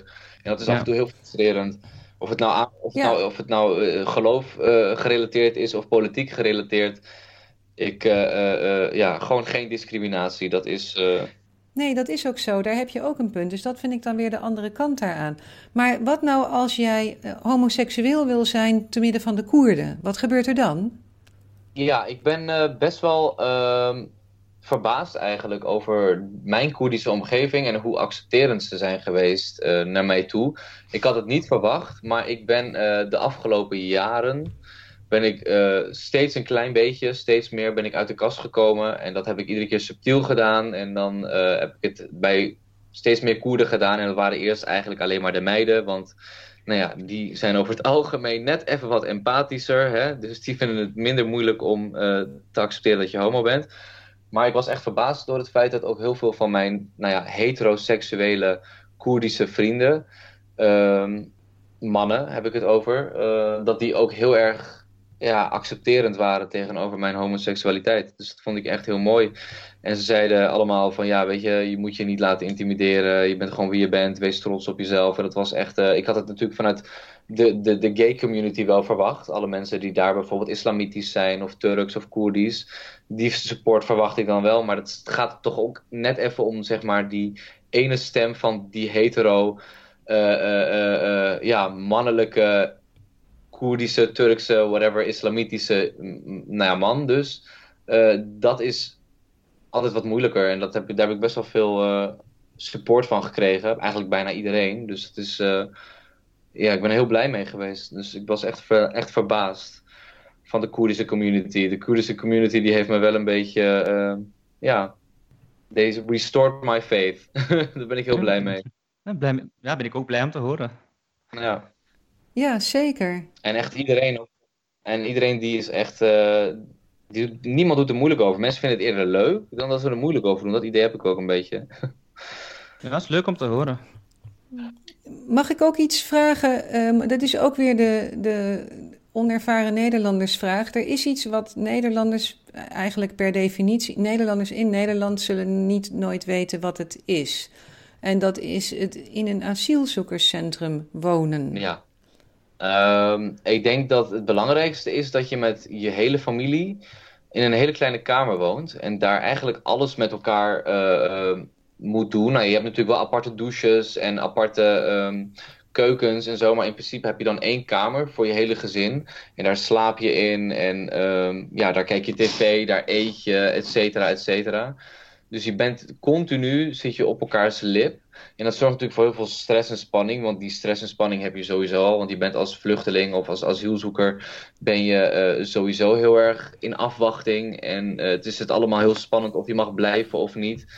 En je bent ook nog eens met heel veel verschillende gezinnen in een asielzoekerscentrum. En die komen echt uit elk hoek en uithoek van de wereld. Um, dus het is voor, als kind besef je niet helemaal de spanning die je ouders doormaken. Hoe intens dat is, dat maken vooral je ouders mee. Als kind ben je, nou ja, gewoon, je gaat naar school, je doet de everyday things, je wil gewoon spelen.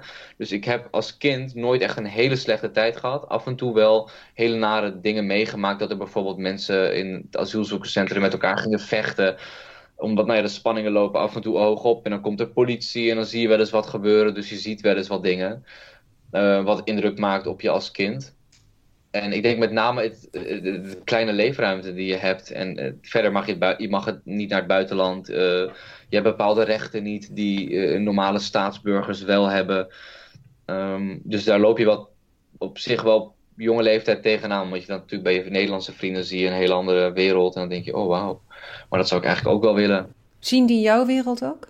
Die nam ik, heel, die nam ik bijna nooit mee naar mijn wereld. Omdat ik me daar heel erg voor schaamde als kind. Um, en dan ging ik wel bij mijn Nederlandse vrienden spelen. Uh, de basisschool, dan uh, hadden we allemaal Nederlandse kinderen. En dan hadden die, uh, nou ja, die woonden vaak echt in een enorm huis. En dan was het echt fantastisch om te zien voor mij. Want ik kwam uit zo'n klein kamertje met, vier, met z'n vieren. En dan, dan kwam ik bij zo'n villa en dan gingen we spelen en dan gingen we rennen en dingen. En dat was, dat was fantastisch om te zien. Dus ik vond het ook veel leuk om daarheen te gaan.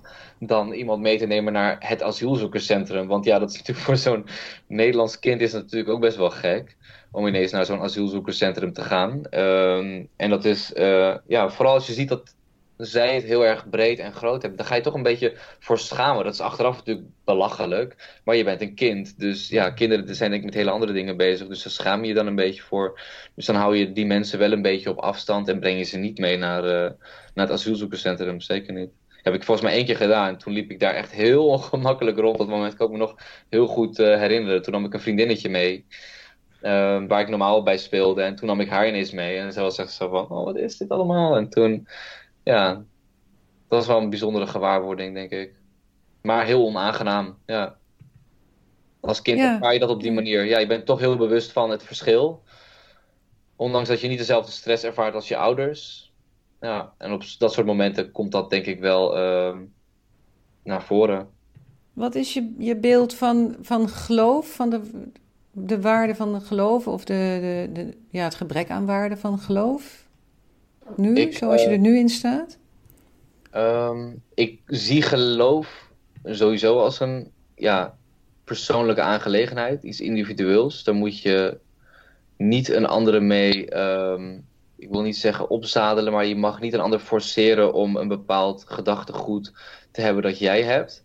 Uh, je mag een ander wel proberen te overtuigen, dat vind ik wel. Maar ik zie geloof al, hetzelfde eigenlijk als uh, uh, um, ja, iets spiritueels. Iets, iets um, ja, rust krijgen in je hoofd. Of dat nou therapeutisch is of via religie.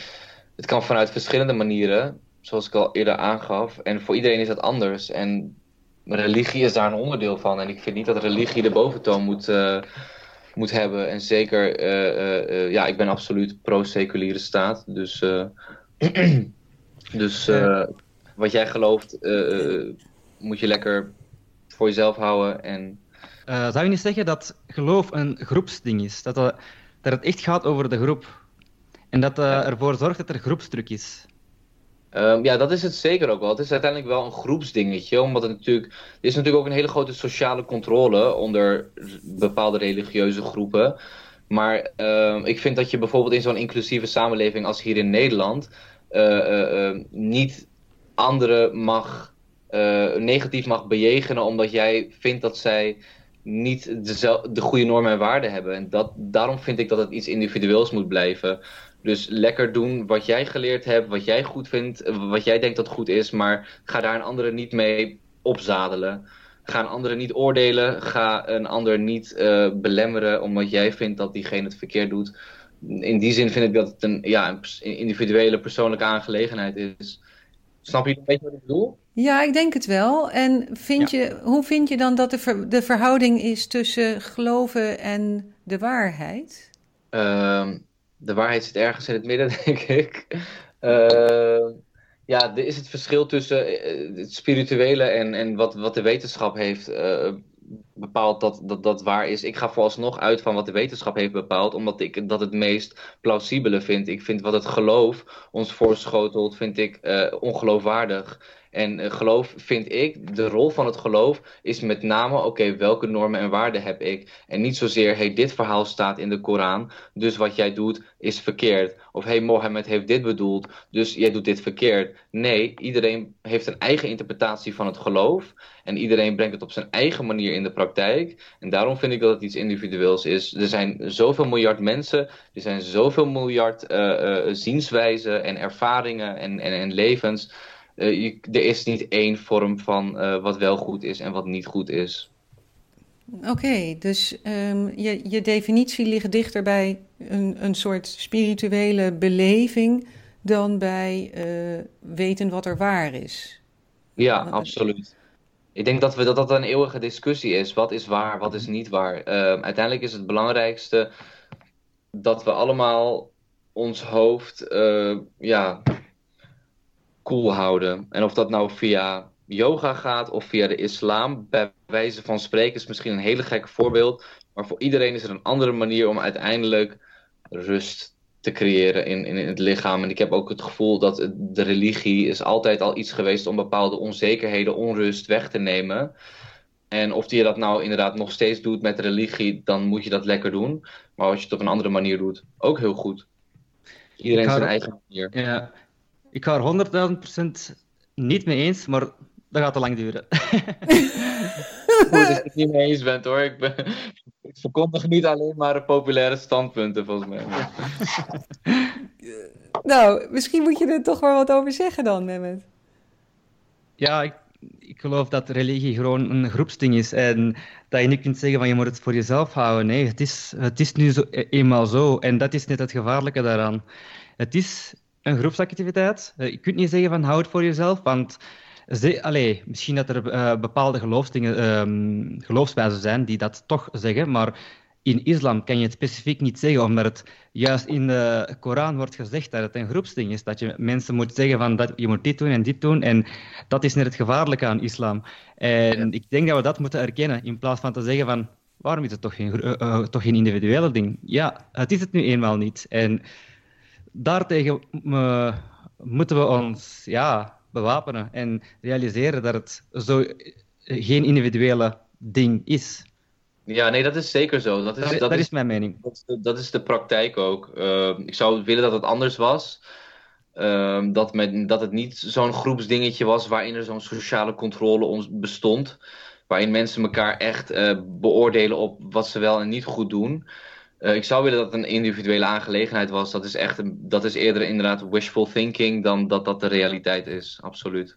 Nou ja, eigenlijk zeg je ook dat dus als, als je individuele spiritualiteit eh, ruimte kunt geven, dat je daarmee ook ingaat tegen dat hele dwingende groepsculturige van die dwingende religieuze benadering. Ja, Dat absoluut. dat ook een bevrijding is en een, en een ja, nieuwe, iets nieuws neerzetten. Ja, ook een, op, op, op een andere manier misschien naar het geloof gaan kijken. In plaats van inderdaad in groepscontext, waarin men elkaar allemaal streng in de gaten moet houden. Want ik denk dat dat echt de grootste valkuil is voor welke religie dan ook. Ehm, dat mensen elkaar in de gaten houden, dan komt er een bepaalde eh, eh, ja, cultuur van, van, van, van, van schaamte, van niet met elkaar dingen delen die je wel zou moeten delen. Bijvoorbeeld ook emotioneel, emotional well-being, wat in het eh, Midden-Oosten en islamitische culturen vaak ook een beetje wordt weggewuifd. Van, nou ja, weet je, Ja. stel, je niet, stel je niet zo aan. Of je Ehm, bent bezeten door geesten en zo. Juist, nee, maar echt, het is echt zo. Ik heb e- eerder het gevoel dat bijvoorbeeld islamitische mensen, die dan bijvoorbeeld eh, homo zijn en daar wonen. eh, ik heb ook een voorbeeld in mijn familie, denk ik, eh, dat, dat, dat, dat, dat, dat, dat diegene dan eerder wordt weggewuifd, maar al die is een beetje depressief, weet je wel, dan dat, dat ze erkennen dat diegene homoseksueel is. Of ze er ooit naar achter zijn gekomen of niet. Maar dat groeps, dat, dat, dat familiebelang is zo belangrijk. Eh, die controle is zo, zo groot dat uiteindelijk nou ja, diegene dus niet zichzelf kan zijn. eh, en altijd maar zijn gevoelens moet gaan onderdrukken, want ja, dat mag niet. Nou ja, dan maar wegwuiven als diegene is een beetje nou ja, bezeten of gek of depressief. Mag ik daar, is dat, noemen we dat ook identiteit of noemen we dat een gebrek aan identiteit? Dat is een gebrek aan acceptatie en een gebrek aan. Heb je een Ja, identiteit als je ondergeschikt bent aan een groepsidentiteit? Dat is een goede vraag. Heb je een identiteit als je ondergeschikt bent aan een groepsidentiteit?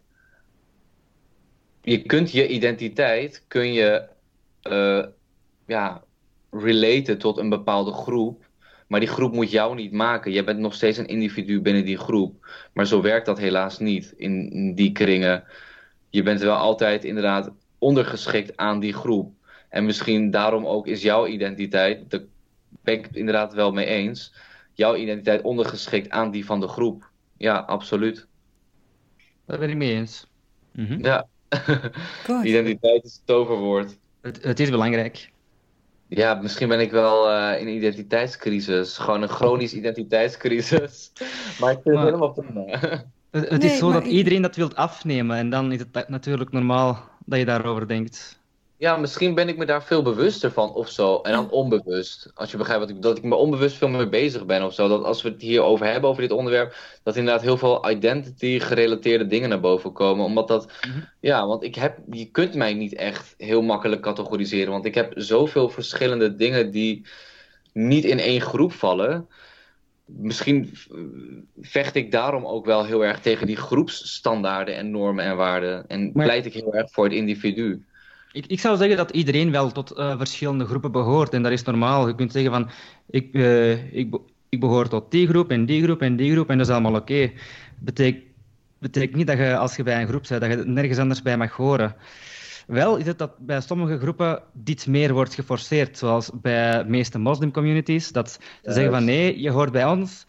En ja, je mag misschien een beetje van die doen en die, maar meest- meestal ben je bij ons, ne- nergens anders. Dus dan heb je ook dat. Ja, dat is inderdaad in het extreme geval. Dat er inderdaad groepen zijn waarin dat zo erg geforceerd wordt. Dat je echt tot één groep, categorie groep, dat je echt gereduceerd wordt als mens, zo zie ik het, tot een, een, een onderdeel van één groep. Bijvoorbeeld een super streng islamitische groep waar je een deel van uitmaakt en waar je je hele leven aan, je hele alle hebben en houden aan toewijdt. En dat is zo'n gemis, dat is zo zonde, want een mens is zoveel meer dan alleen dat. Ja. Wat, wat is het gemis?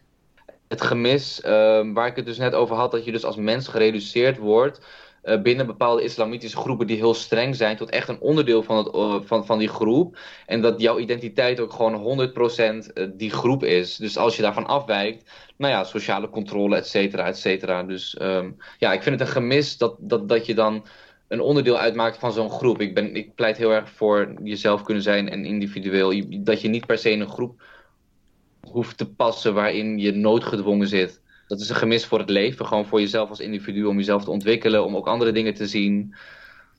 Want het leven bestaat niet alleen maar uit die ene groep.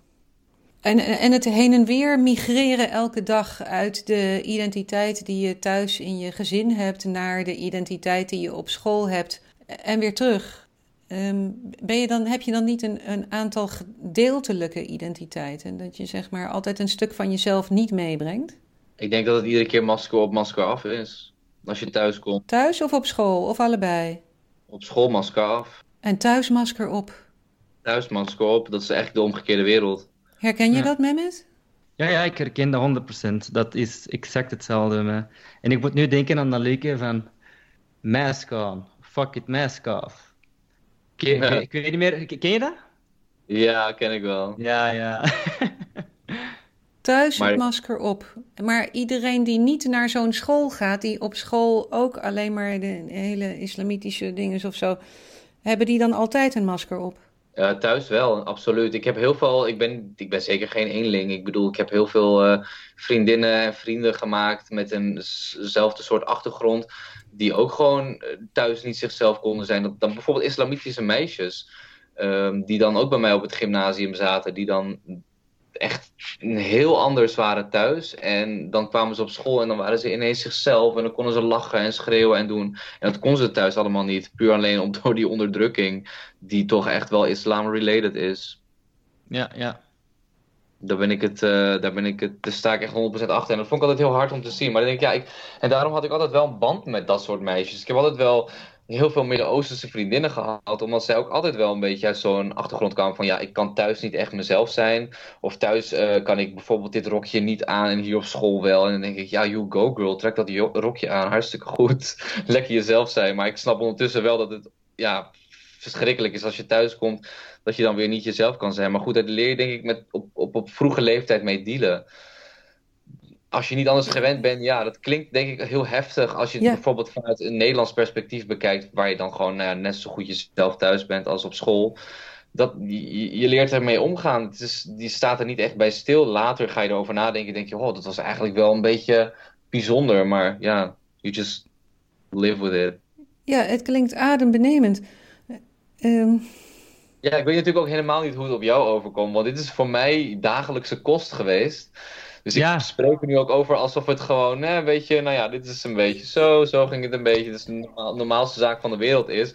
Maar ik weet inderdaad niet hoe een gemiddelde Nederlandse, zeg maar, volbloed Nederlander uh, hier naar zou luisteren.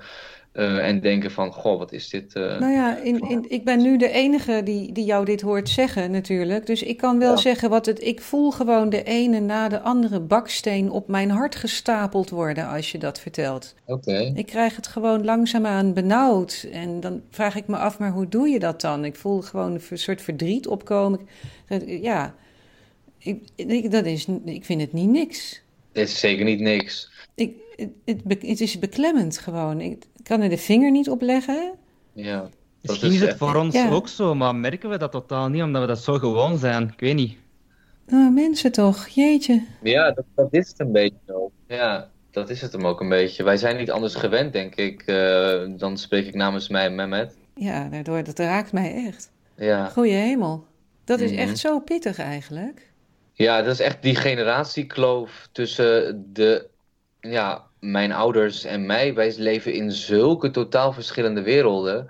En zij hebben ook altijd tegen mij gezegd van ja, en neem onze cultuur mee. En uh, dit is hoe wij het doen, niet zoals de Nederlanders het doen.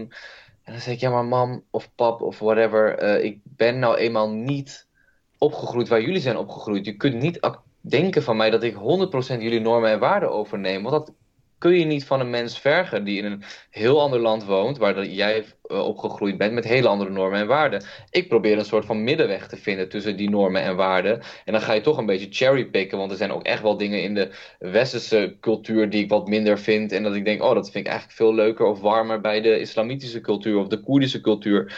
Dus je bent toch een beetje aan het balanceren tussen twee werelden en dan ga je een beetje ja, uit cherrypicken. Dat heb ik een beetje gedaan, denk ik. Dat, ja, de jaren dat ik hier woon.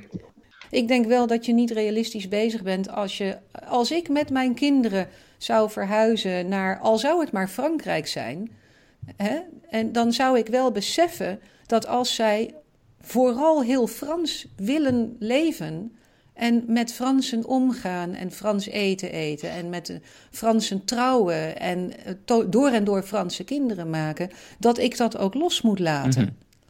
Dat ik niet daar kan gaan zitten zeggen: ja, maar je bent Nederlander. Ja, maar je moet Sinterklaas vieren. Ja, maar. Ja, jongens toch, hou op. Als zij geen dropjes willen eten omdat ze nu Frans zijn. Nou, ze hoeven niet alleen maar iemand te zijn die thuis hoort op een plek waar die niet leeft. Nee, nee, nee daar, daar, daar, ga ik, daar ga ik nu eens totaal niet mee akkoord. La, laat, laat, laat ik het zo zeggen. Je kan ze beide doen. Het is totaal mogelijk. Je kan zeggen van ik ben Nederlander en ik ben Japanner of whatever. Want je kan, je kan thuis nog een frikandelbroodje eten of zo en dan ga je naar buiten en ga je sushi eten. Of... Ik vind assimilatie echt verschrikkelijk. Je, je moet niet verwachten dat mensen veranderen en dat ze ineens een heel andere uh, cultuur opnemen. En assimilatie betekent dat. Je kunt zeggen van ja, ze gaan zich integreren in die cultuur en ze gaan zich anders gedragen en zo. En maar als je spreekt over assimilatie, dan gaat dat volgens mij altijd van iets van bovenaf. Iets wordt opgelegd op jou en je neemt dat over. dingen inderdaad. Ik denk dat inderdaad uh, je niet helemaal assimilatie, dat je niet helemaal je assimilatie bedoelt, Jasmina, maar dat je meer bedoelt dat inderdaad als je kinderen in een andere omgeving opgroeien, dat je niet bang moet zijn dat ze bepaalde dingen van jouw cultuur, dat ze die kwijtraken, omdat ja, ze gewoon andere dingen adapten. Daarmee ga ik akkoord, daarmee ga ik akkoord. Maar ik snap wel wat je bedoelt hoor, Jasmina, want ik denk dat het toch uiteindelijk ook wel weer te maken heeft met die identiteit en met name de generatie die bang is om die identiteit kwijt te raken. En dat projecteren ze een beetje op, nou ja, het nageslacht. En dat probeerden ze dan te controleren van alsjeblieft behoud de identiteit en ga niet met uh, andere mensen om, want dan raken we onze identiteit kwijt. Ja, ja inderdaad. Dat speelt, dat speelt zeker, absoluut. Wat denk je nu, Uh, als ik aan assimilatie denk, is dat echt iets. Uh, uh, misschien niet dezelfde emoties die het teweeg brengt hoor, maar ik, het is wel een negatief beladen woord. Want assimilatie en Koerden, om het nou weer op identiteit te betrekken. Ja, inderdaad. een heel gevoelig onderwerp in welk land je ook bent. Want elk land heeft proberen de Koerden te assimileren. Maar de Koerden die hebben nou zo'n sterke identiteit en zo'n trots en zo'n uithoudingsvermogen wat dat betreft. Dat dat assimilatieproces deels wel gelukt is, maar grotendeels ook niet die woordhoud, uh, ik, ik, heb dat vroeger ook gehoord dat dat op een andere manier werd gebruikt, maar dat accepteer ik gewoon niet. Ik weet hoe, uh, hoe vaak dat woord gebruikt wordt op die manier dat ik er, uh, ja, ik hoor dat echt totaal niet graag. Dat is, Je bent er wel vol hard in. Dat, dat, dat is een kakwoord. Ja, ja, ja. Hij is, hij, ja hij, hij is heel erg voor tolerantie. Daarom accepteert hij ook dingen ja. niet. ja, maar dat, dat, dat, is ook zo. dat is, um, hoe heet hij alweer?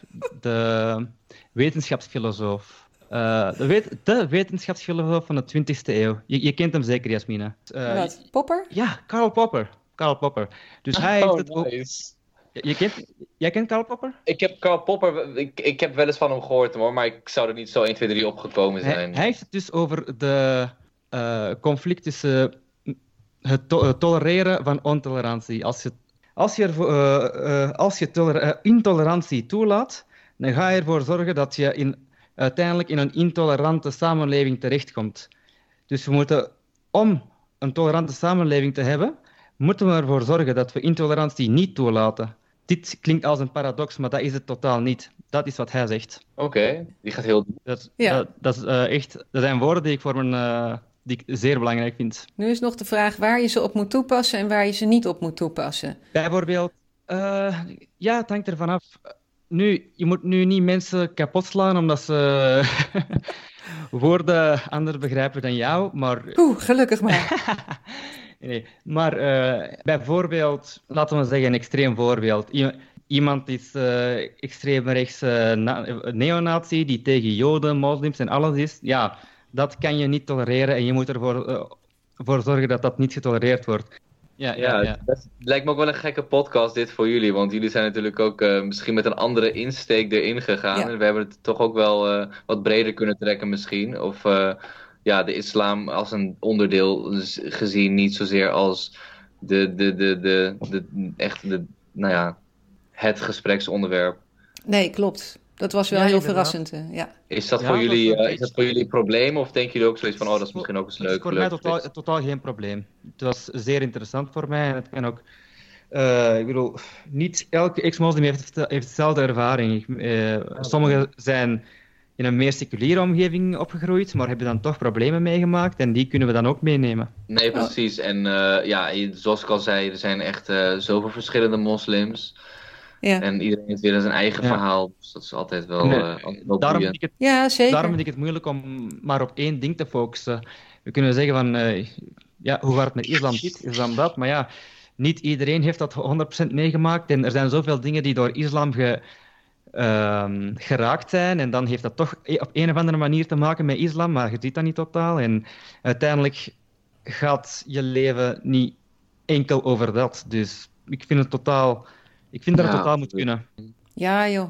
Nou ja, alleen al die kennismaking, want Alevieten, daar hoor je bijna nooit wat over volgens mij. Maar de, alleen al die kennismaking, uh, dat dat er ook is. Ja. Dat mensen ook gaan snappen van, je kunt wel gaan zitten tetteren als onwetende Nederlander over de islam.